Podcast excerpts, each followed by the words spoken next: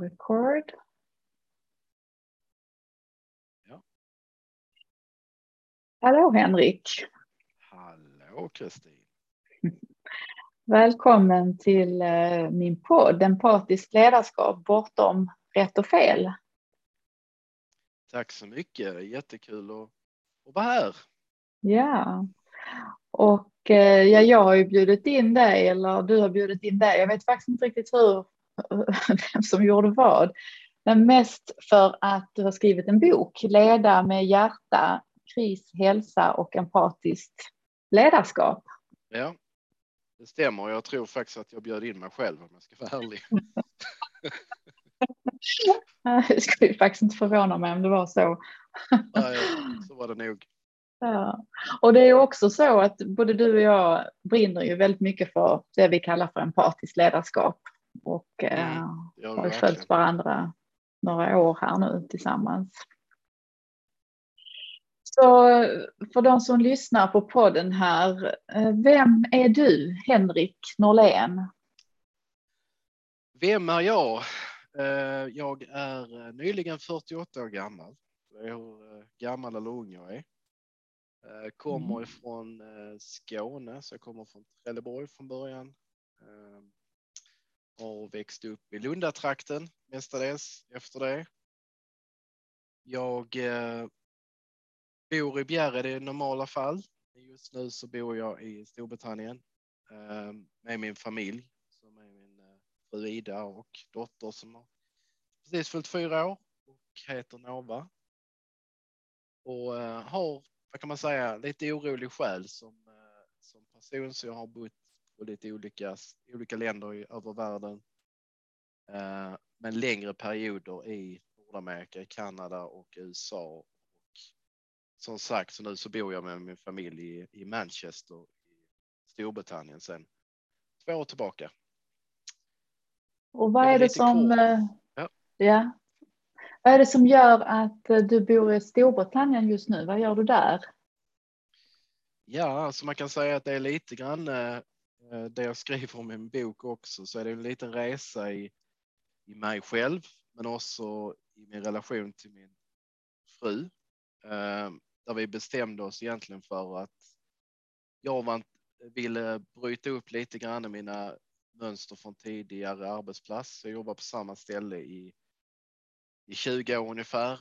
Eh, hade en fantastisk utveckling karriärsmässigt, men kände lite grann att varför gör vi inte något nytt som, eh, som familj och något, nytt i mitt eget ledarskap?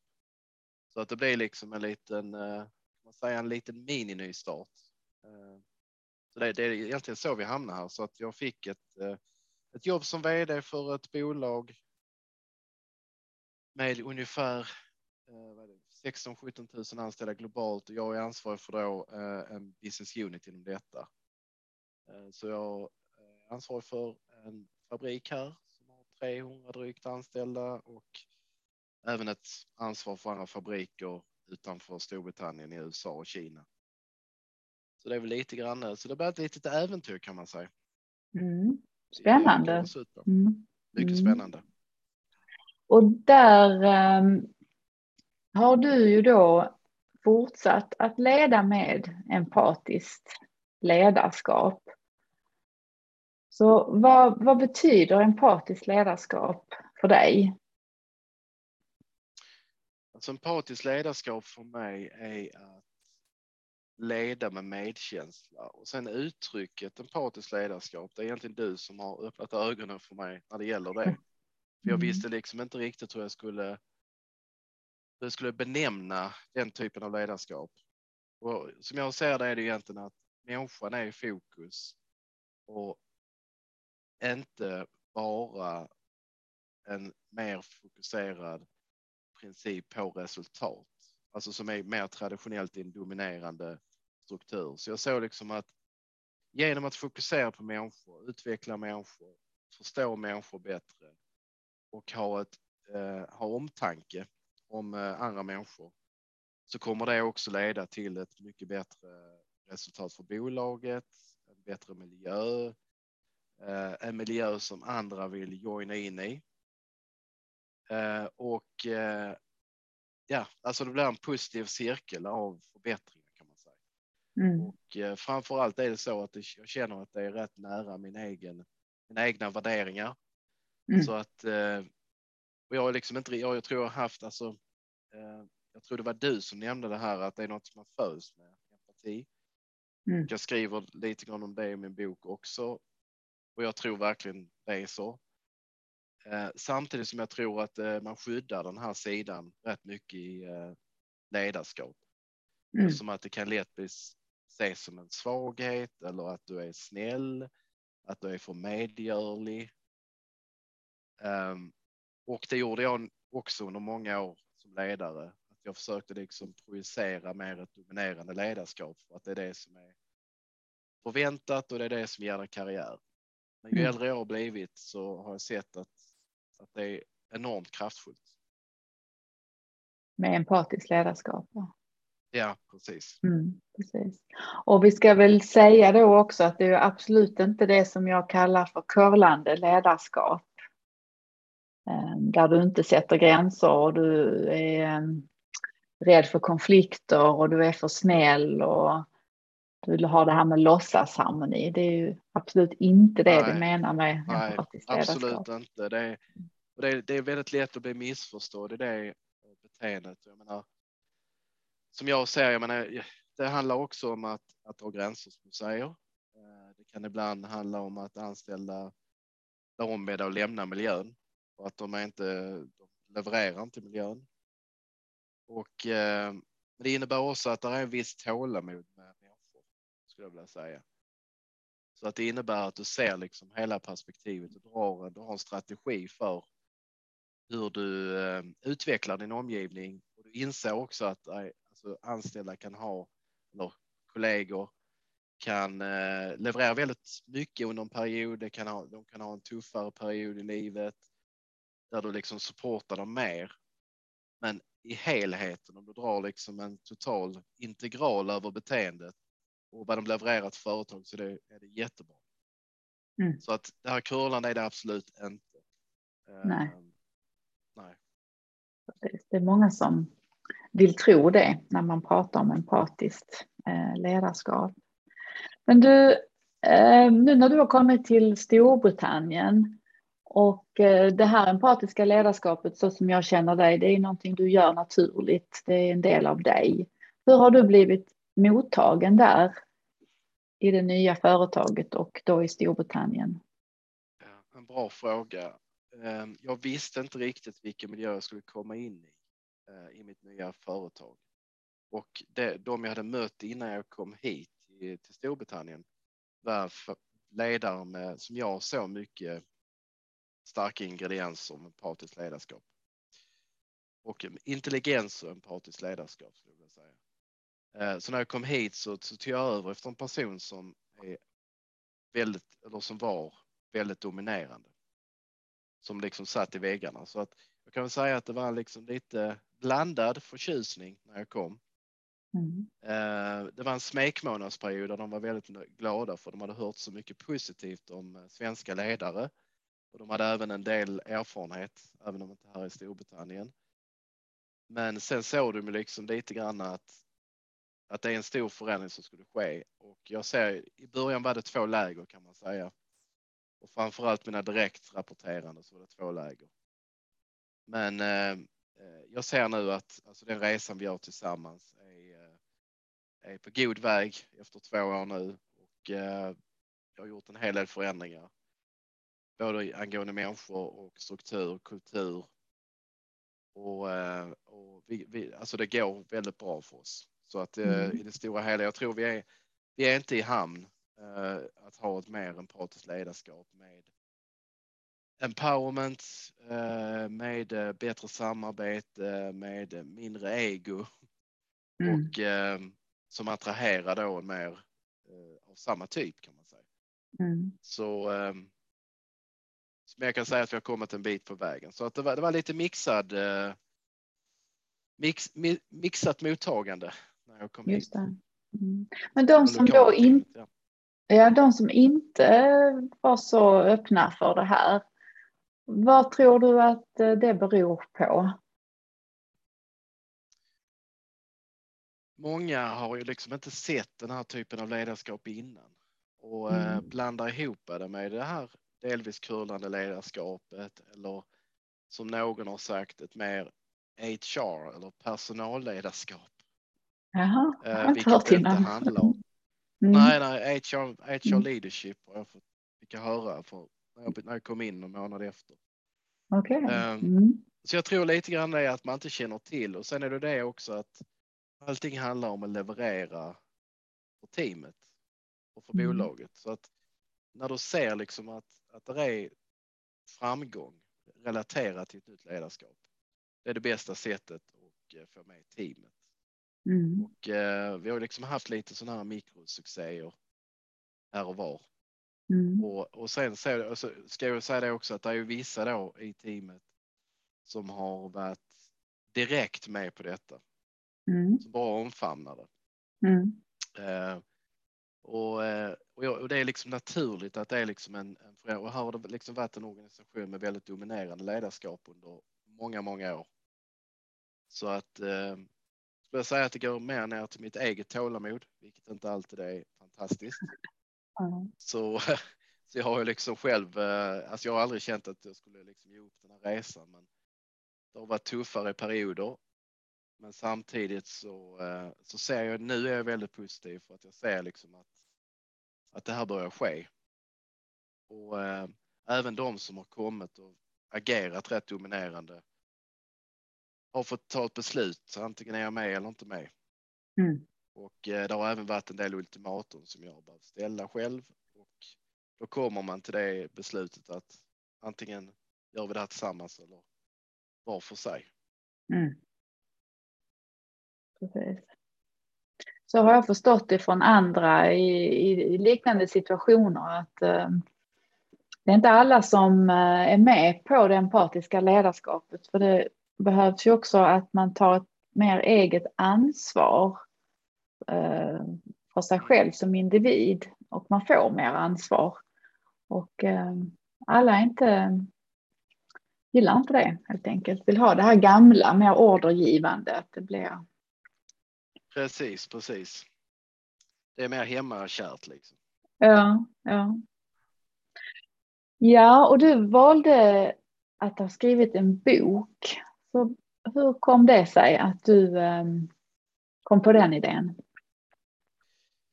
Ja, alltså det är ingenting jag har liksom haft på min bucket list eh, så att säga. Mm. Eh, ingenting jag drömde om när jag var tonåring. Mm. Eh, Utan det var egentligen så att jag gick igenom ett antal säga, personliga händelser. Alltså förlora många, eh, flertal i min familj och nära. Och samtidigt så gick jag igenom en resa arbetsmässigt som liksom allting skedde på samma gång. Och det gjorde egentligen då att jag reflekterade mer kring eh, ledarskap, min egen hälsa, beslut och så vidare. Det var lite grann allting hamnade på bordet. Hur eh, ska jag vara en bra familjeman? Hur ska jag vara en bra ledare? Hur ska jag må bra?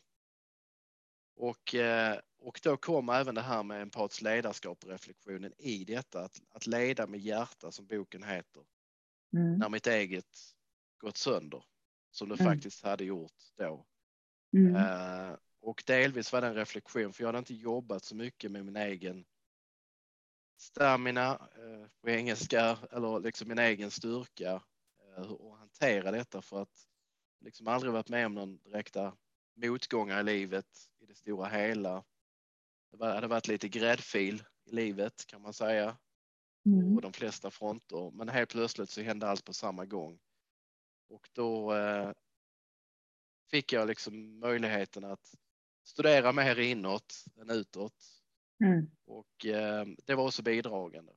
Sen var det egentligen så att eh, i samband med att jag träffade en läkare i Malmö. När jag hade, jag mådde inte jättebra. Så jag hade fysiska men av eh, kan säga, överarbetning. Och eh, så gick jag till en ryggläkare och hon var egentligen den som sa till mig att hon, jag berättade kortfattat då om, om resan och eh, hur jag jonglerade flera jobb samtidigt och samtidigt en familj och samtidigt förluster av bland annat eh, tidigt födda tvillingar och, och så där. Så sa hon det egentligen att Henrik, skriv detta. Skriv ner detta. Och hon hade också varit igenom ganska mycket och hon hade planerat att skriva en bok men inte kommit dit. Så att hon, hon bad mig att lova henne att jag skulle skriva en bok. Mhm. Och det, var, det kändes liksom inte sådär. Jag var inte, det var inte med enkelhet jag skakade hand och kramade om henne och sa att jag skulle göra det, men jag sa faktiskt det. Och Mm. eh, det var då tanken började egentligen. Ja. Så att då började jag plita ner lite grann. Ja, vad, vad var det du ville förmedla med boken där när du började plita ner? Eh, alltså det var egentligen två saker så att boken är lite eh, schizofren om man säger så. eh, man kan väl inte kalla det men alltså det, det är ju ett, eh, alltså jag är väldigt öppen med min egen eh, hur jag känner eh, händelser och sådär. Eh, både i arbetsliv och i privatliv. Så att det var lite grann att få ner det liksom på något vis att få ett perspektiv kring händelser.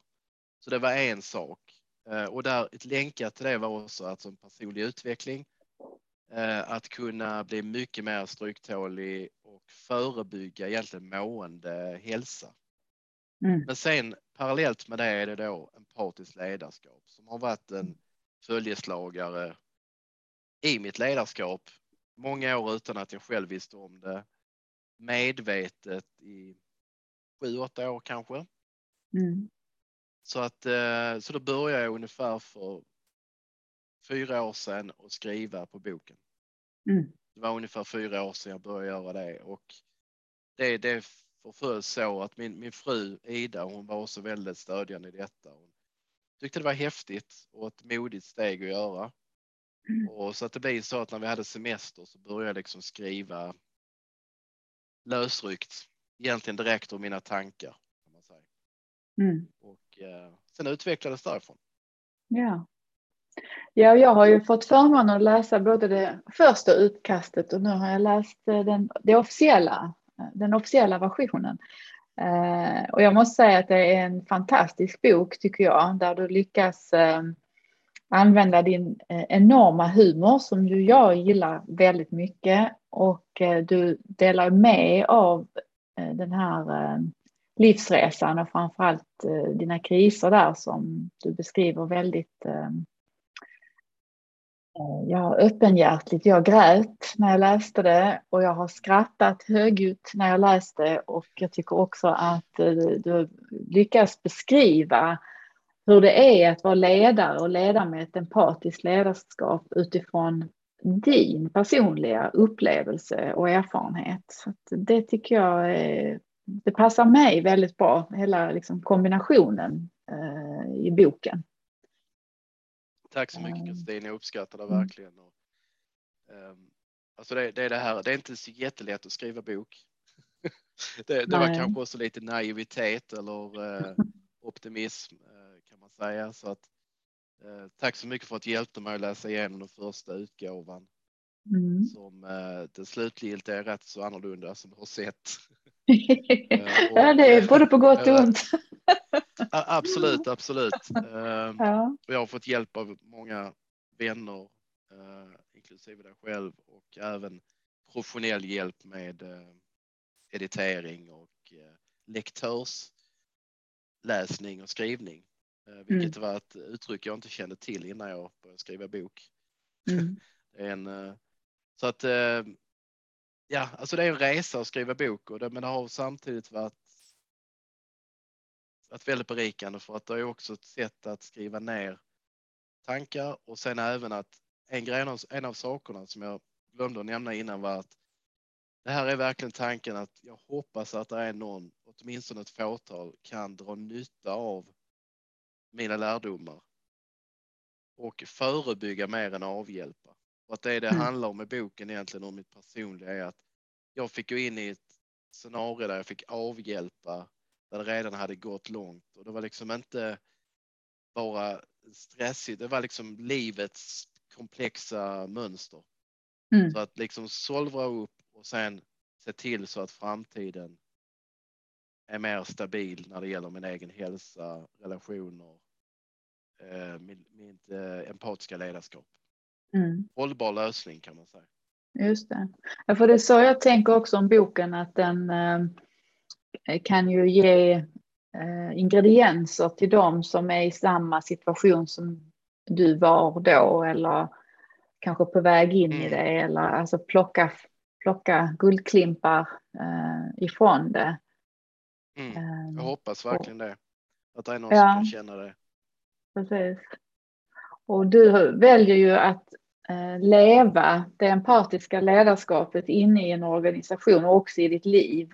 Och jag är ju mer liksom mm, utanför som coach då och eh, hjälper mm. till från utsidan. Men du gör det ju på riktigt där inne. Liksom. Det är det jag tycker är så häftigt att du beskriver och eh, ger liv åt detta begreppet empatiskt ledarskap. Det är häftigt med kombinationen av eh, alltså din breda erfarenhet, många företag, coacha och eh, som sagt, och även du nämnde boken Kristin. Du har hjälpt ja. till med delar av ett kapitel också. Så att eh, nej, jag tror den kombinationen är väldigt spännande. Och jag är mer för att eh, genomföra kan man säga. Och eh, du mm. har all den här erfarenheten i bakgrunden och du är väldigt påläst inom området. Så jag tror enda gången vi pratar så är det något nytt mm. jag noterar. Och, eh, vissa saker har jag också inkluderat i boken. Ja, du kallar mig för figur också i, i boken ju. Det är ju ja, ja. roligt. Väldigt ödmjuk titel. Verkligen. Ja. ja, och du, i slutet av eh, boken eh, så pratar du om ditt mantra leva. Berätta ja. lite vad du menar med detta.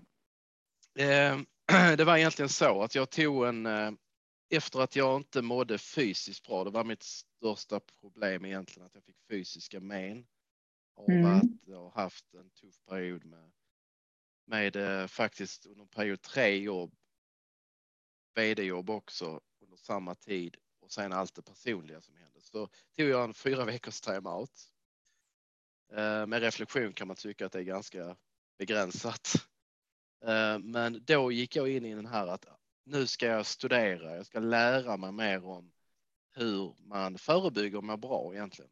Så fokus mm. var egentligen där, då att nej, jag vill inte må som jag gör och jag hade liksom värk i kroppen och sådär, yr så. Då, då tänkte jag, ja, men jag läser på, så jag läste nästan långt över hundra böcker. Uh, inte under fyra veckor utan efter den här perioden också. Mm. Uh, och uh, sen så tänkte jag, ja men låt oss låt mig samla ihop vad, vad, vad jag ser kan vara matnyttigt. Och sen efter ett tag tänkte jag, ja, men det här kanske kan vara något som andra har nytta av. Mm. Så att mm. jag, jag skapade det här LEVA som egentligen är en princip att, att få ett hållbart empatiskt ledarskap. Att kunna att hålla ihop och må bra.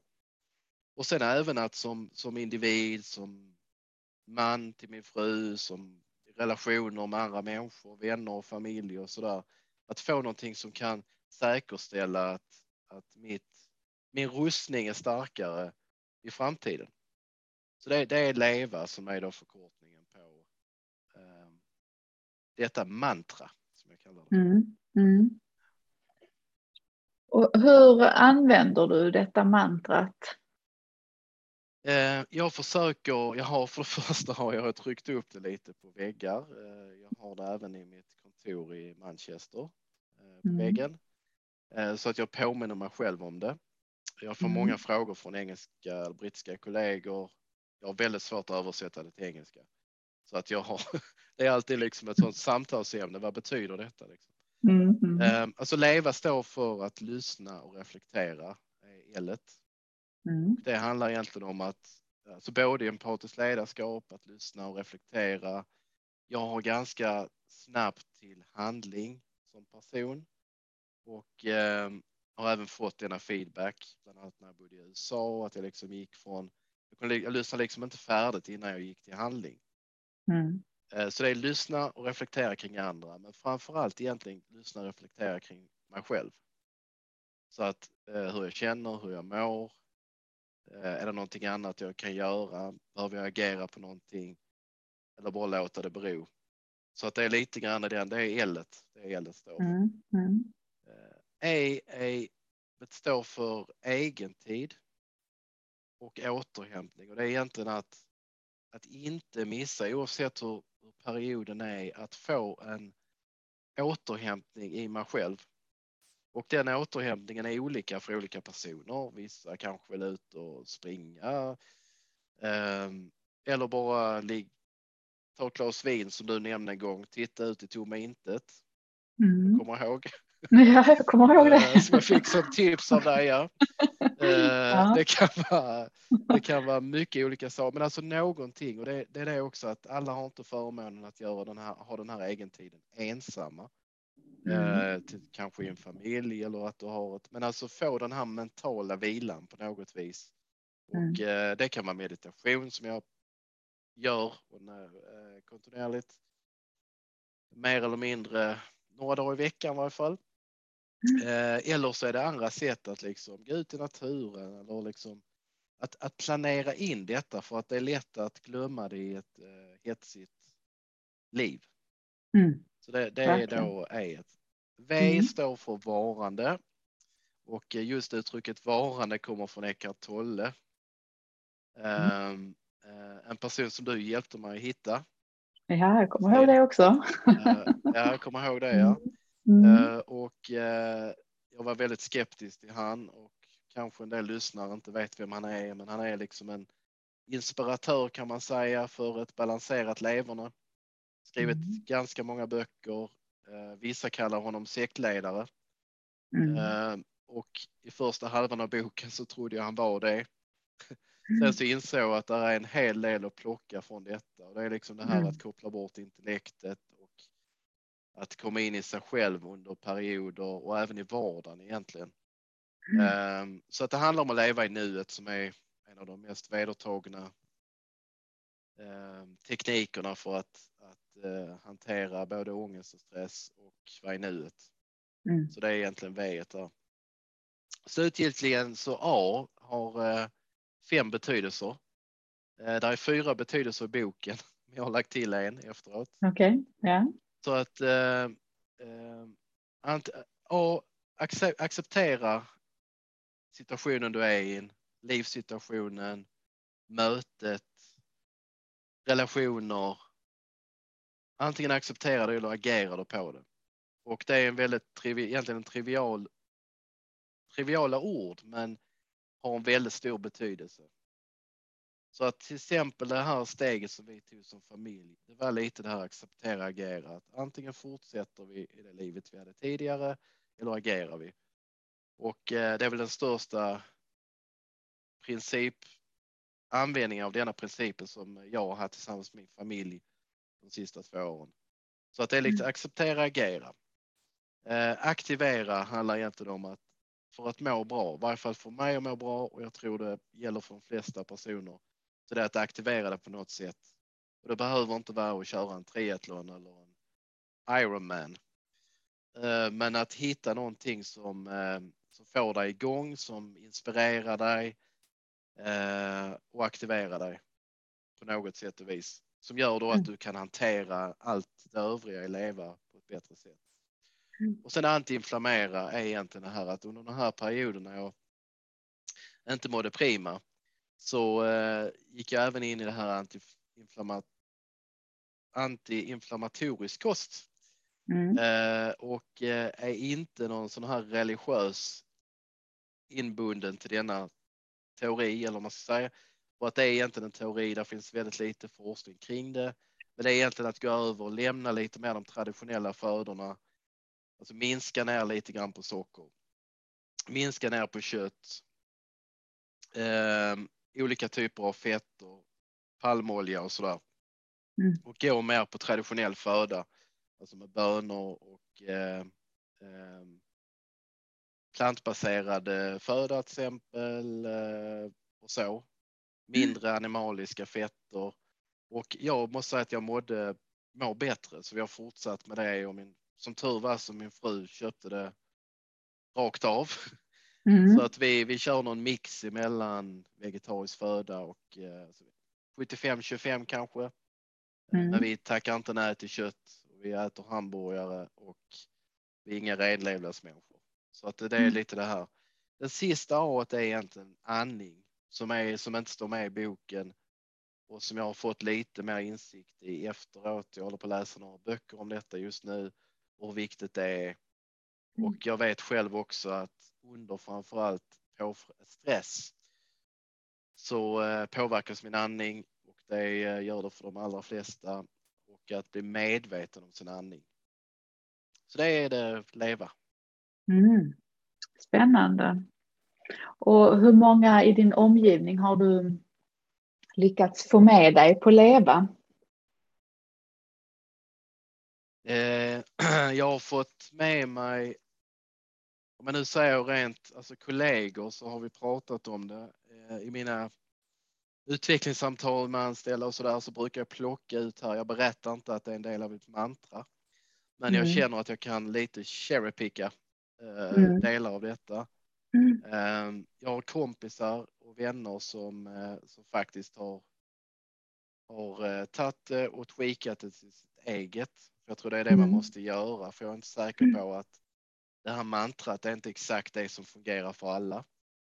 Men Precis, där, jag tror det eh, är ja. viktigt att man gör sitt eget mantra för vi är ju unika varelser. Det kan ju vara en, ett ramverk, eh, leva, så man kan göra sitt eget leva inom. Ja, håller absolut med. Och det är även levande. Eh, Leva Ja. är levande. Så att Just det. jag liksom, det tog ganska lång tid innan jag kom fram till att de här ingredienserna är stommen. Men Mm. jag är helt säker på att jag kommer ändra de här innehållen för mig själv också. Mm. Eh, och jag sa nu det här med andning är något som har kommit till eh, strax efter boken Mm.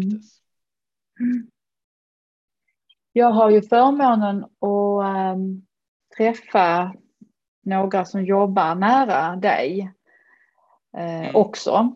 Och eh, jag förstår ju att eh, ditt ledarskap uppskattas eh, kolossalt mycket. Ehm, också för att alltså den här, alltså jag tänker leva då, det står ju för den, den mänskliga aspekten av att vara i affärsvärlden. Att det inte bara är Excelblad och leverera och göra det man ska, utan det är också att se till att, att vi är människor. Mm. Och de eh, Absolut. Blev väldigt inspirerade av dig, eh, hör jag. De använder uttryck som du eh, har myntat som kommer igen i de samtal som jag har sen med dem. Så det är väldigt kul, tänker jag. Det är jättekul hörde- att höra. Mm. Mm. Jag hörde bland annat 85 10 5. Som någon bara slängde ur sig sådär. Och som tur var visste jag vad det var. Men eh, Ja. Eh, vi kanske det- vad det betyder. Jag tror jag vet vilken person det handlar om som jag refererar till. Mm. Um, det är ett par sådana här, uh, put the fish on the table är någonting också. Det, det står inte specifikt i boken. Det är någonting som har blivit en liten sån här grej, för de har inte hört det i Storbritannien överhuvudtaget, det uttrycket. Mm. lite det här att, det det är faktiskt en empatisk insikt. Handlar inte bara om sakfrågor, utan jag tror på det här att du plockar fram sanningen, så att säga. Ja. Och det innebär Ja. också hur du känner och tycker och liksom hantera det. Och det är lite grann det här med curlande ledarskap som jag nämnde. Det är ju absolut risken om man kör ett sådant ledarskap att du på något vis inte låter de här sakerna komma fram. Precis. Alltså att liksom, så jag har en fisk på bordet på kontoret nu. Mm. Jag Mm. fick- Jag fick en fisk av en kollega. Mm. Ingen riktig fisk alltså. En Mm. Ja. Mm. Så att det här 85, 10, 5. eh, Det, det är hur jag lite grann ser på. Vi kan säga att det är väldigt ingenjörsmässigt att sätta 85, 10, 5. Det var en reflektion som du också hade att det är typiskt ingenjörer. Eh, Och eh, liksom att på något vis sätta nummer på saker och ting.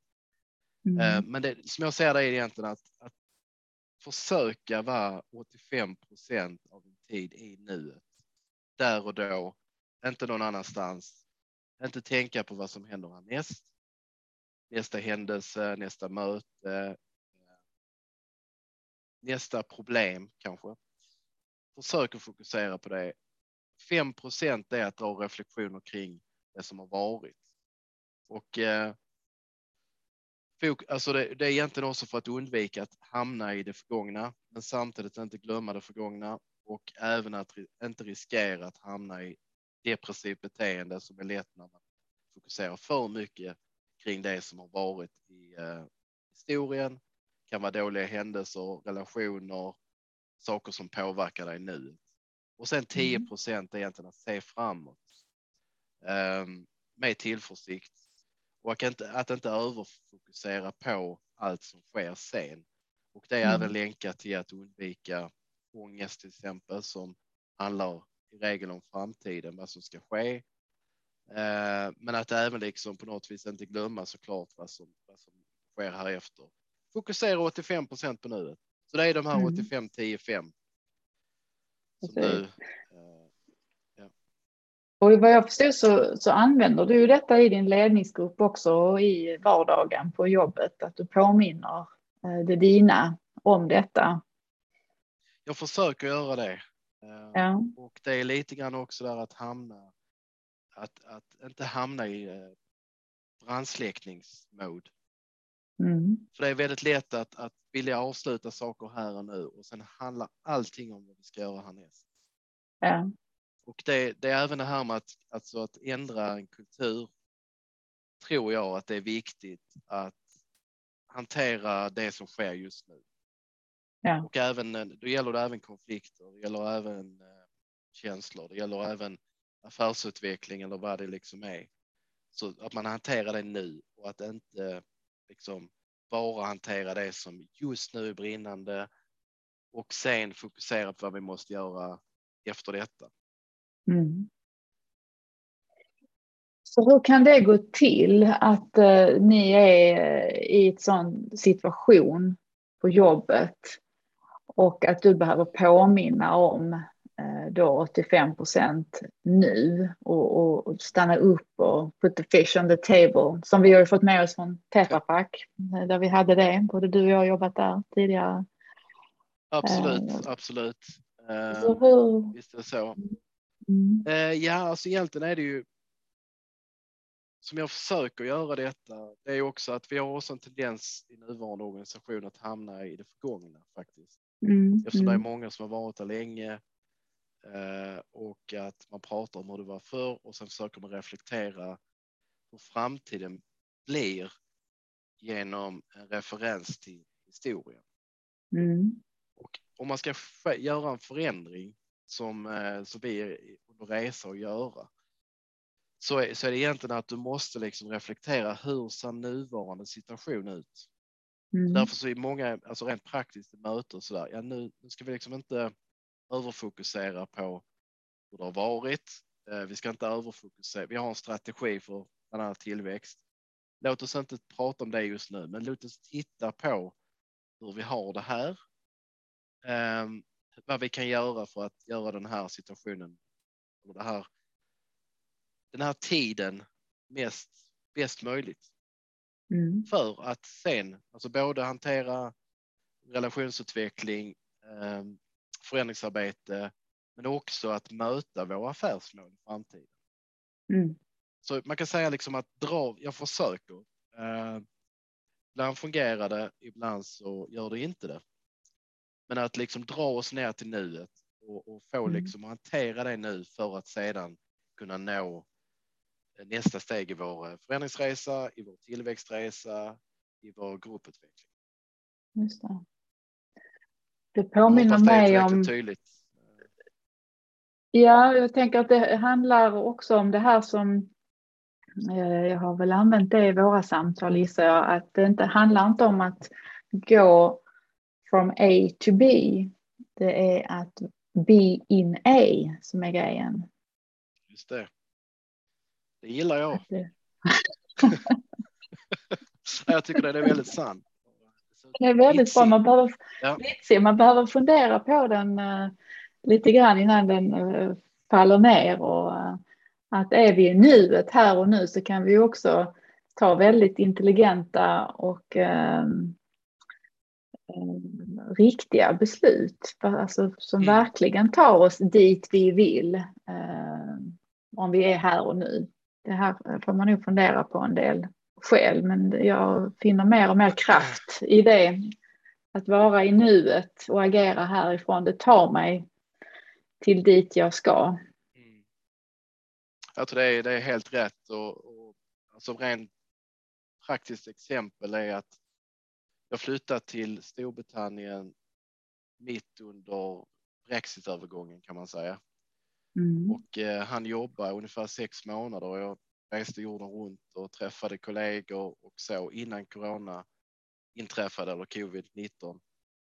Så att det har också gjort att den här resan som, eh, som har varit under de här åren, jag tror många kan relatera till det, där vi periodvis var i ganska tuff situation i Storbritannien med corona och nedstängt samhälle och så vidare. Mm. Det var liksom att dra oss in i detta för att det var väldigt, väldigt lätt att hamna i en firefighting och brandsläckningsscenario. Mm. Mm. och dessutom välbefinnande, mental hälsa och sånt här blir ju väldigt, väldigt uh, aktuellt. Mm. Och, uh, och, så det, att göra den här förändringsresan har ju varit en utmaning i en sån här miljö fram till mm. egentligen början på detta året. Mm. Men jag ser samtidigt att att vi har växt väldigt mycket som team och jag är oerhört stolt över mitt team mm. som, eh, som har liksom hanterat den här perioden som har varit tuff för alla och rent personligt för mig själv så var det tufft för jag var borta från min familj under många, många månader under 2020. Mm. Men, men jag såg liksom hur det påverkar liv. Vi förlorade en, en, en eh, medlem i teamet i corona som var, var väldigt tufft och eh, ja, Alltså det har varit en, det har varit en resa, men jag tror just det här, det här 85 10 5. Alltså att försöka liksom ändå trots allt som sker att vara i nuets situation och att inte tappa fokus på var vi ska någonstans. Mm. Vi är ut, liksom att inte hamna i krigsmode mm. som det ibland, framförallt i media, ser ut som. Mm. Vi är i krig mot en pandemi. Mm. Ja, väldigt speciell period. Mm. Du, eh, planerar du att skriva fler eh, böcker? Om du hade frågat mig för sex månader sedan så hade jag sagt nej. Då hade jag nog inte gjort det. Um, det har faktiskt, alltså det, det, är en, eh, det går ju lite grann i cykler att man är mer och mer inspirerad under vissa perioder och eh, det är jätteroligt när man får visa det för andra som för dig själv också. Mm. Men jag måste säga att jag, jag, ty, jag tycker, om jag tar liksom sammantaget så har det varit en inspirerande resa att skriva. Så att jag, jag har liksom inte stängt dörren. Jag har inga planer på att skriva en ny bok. Uh, den mm. nummer ett nu är att översätta boken till engelska. Ja. Uh, och jag uh, skulle också vilja ge boken till mina kollegor med ledningsgrupp, mm. till min chef mm. och en del andra kollegor i världen. För att jag tror, jag hoppas att det kan ge en, insikt i också min, hur, varför är jag som jag är? Eh, varför är mitt ledarskap? Vad, vad är det jag egentligen tycker är viktigt? Och sen även faktiskt en grej som jag som lite grann är ambassadör för.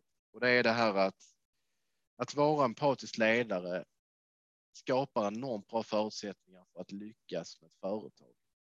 Mm. Och det är lätt att de, man ser de två som motstridiga så att säga.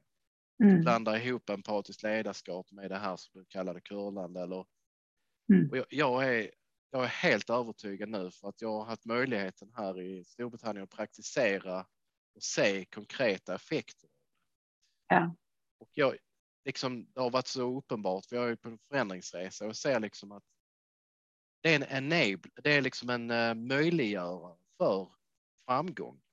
Ja. Så det är liksom inte så att det är något sidoprojekt du kör där du tar hand om anställda eller så, utan det är liksom, vill du lyckas, vill du växa, vill du vara framgångsrik som företag, vill du tjäna mycket pengar som ett företag, Mm. Då är detta det bästa. Det är nästan den gyllene biljetten till det. Mm. Mm. Men du måste ha tålamod. Och det, Precis, kan, och- det sker inte omedelbart. Precis, och driva den förändringsresan och också som jag förstår nu att du har ju ett mycket större utrymme för att leda så som du vill eh, nu än vad du hade i din tidigare tjänst. Absolut, absolut. Ehm, Det, det är helt sant. Jag har ett väldigt, väldigt bra relation till min egen chef som, eh, som är starkare än den relationen jag hade till den tidigare chefen. Och eh, ett enormt, alltså jag tror förtroende är en enormt stark, viktig faktor när man leder med empati. Mm. Och den förtroendet så måste du ha även i din egen organisation såklart. Men Mm. har du inte det uppifrån i organisationen, då kommer det liksom bli en väldigt, en jävligt jobbig resa. kommer det bli. Ja, Och det, det är samma liksom att du väljer kanske att nej, men det här är inget för mig eller, eller så faller du in, vilket är lätt att göra i det mer dominanta ledarskapet. just det. Det är det, är det lättaste egentligen för att jag tror världen består av merparten dominanta ledare fortfarande. Ja, Även om eh, ekvationen håller på att förändras. Verkligen, då de yngre som du också skriver om i din bok att de eh, Ja, har ju, har ju fötts med ett, en annan uppsättning i sig där de vill ha det empatiska ledarskapet. Så det gäller att hänga med för oss nu som är lite komna till åren att eh, växla över till det Absolut. empatiska. absolut. Jag kan säga det, jag har en anställd som är yngre eh, Mm. och som tog ett eget initiativ. Han hittade min bok på svenska utan att jag hade berättat. Jag hade inte berättat för mitt team att jag ens skrev en bok. Mm. Och översatte på eget bevåg Mhm. till engelska, Google Translate och gav feedback till mig. Och jag såg liksom det här drivet och intresset och sen så vill han prata reflekterande om, om eh, empatiskt ledarskap. Mm. Och jag såg liksom lite grann att det här, jag lite grann avundsjuk på den här hungern som en yngre generation bidrar med. Eh, Men alltså man ser det här att, och det, det är tydligt för mig och framförallt nu post pandemi med war for talent som de kallar det. Att det, det är liksom, du måste verkligen visa ditt yttersta, du måste attrahera talang och framförallt eh, talang i X och Y-generationen. Eh, liksom, det kommer inte naturligt och du kan inte använda gamla koncept för att attrahera yngre.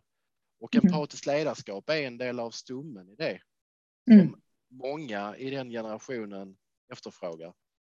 Precis. Samtidigt som jag måste säga att, att det är väldigt många i den äldre generationen också som efterfrågar det. Så att det är lite Absolut. eh, generationsöverskridande. Ja. Ja, och, och min tro är att eh, de, alla, eh, alltså eftersom att vi är människor allihopa, så mår vi bäst av den typen av ledarskap, alltså empatiskt ledarskap och att vi har empati medfött, men vissa har Mm. eh, tappat kontakten med det eller Mm. får för sig att det kan jag inte visa i, professionellt och då blir det att man använder sig av det dominanta ledarskapet.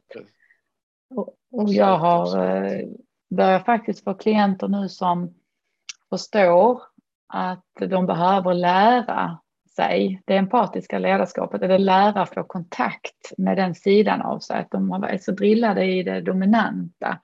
Man, man vet liksom inget annat sätt för det är det som Nej. vi har växt upp i, de som är 50 plus kanske. Ja, och jag tror den här, eh, Mm. jag håller helt med och det här med Mm. att visa svaghet.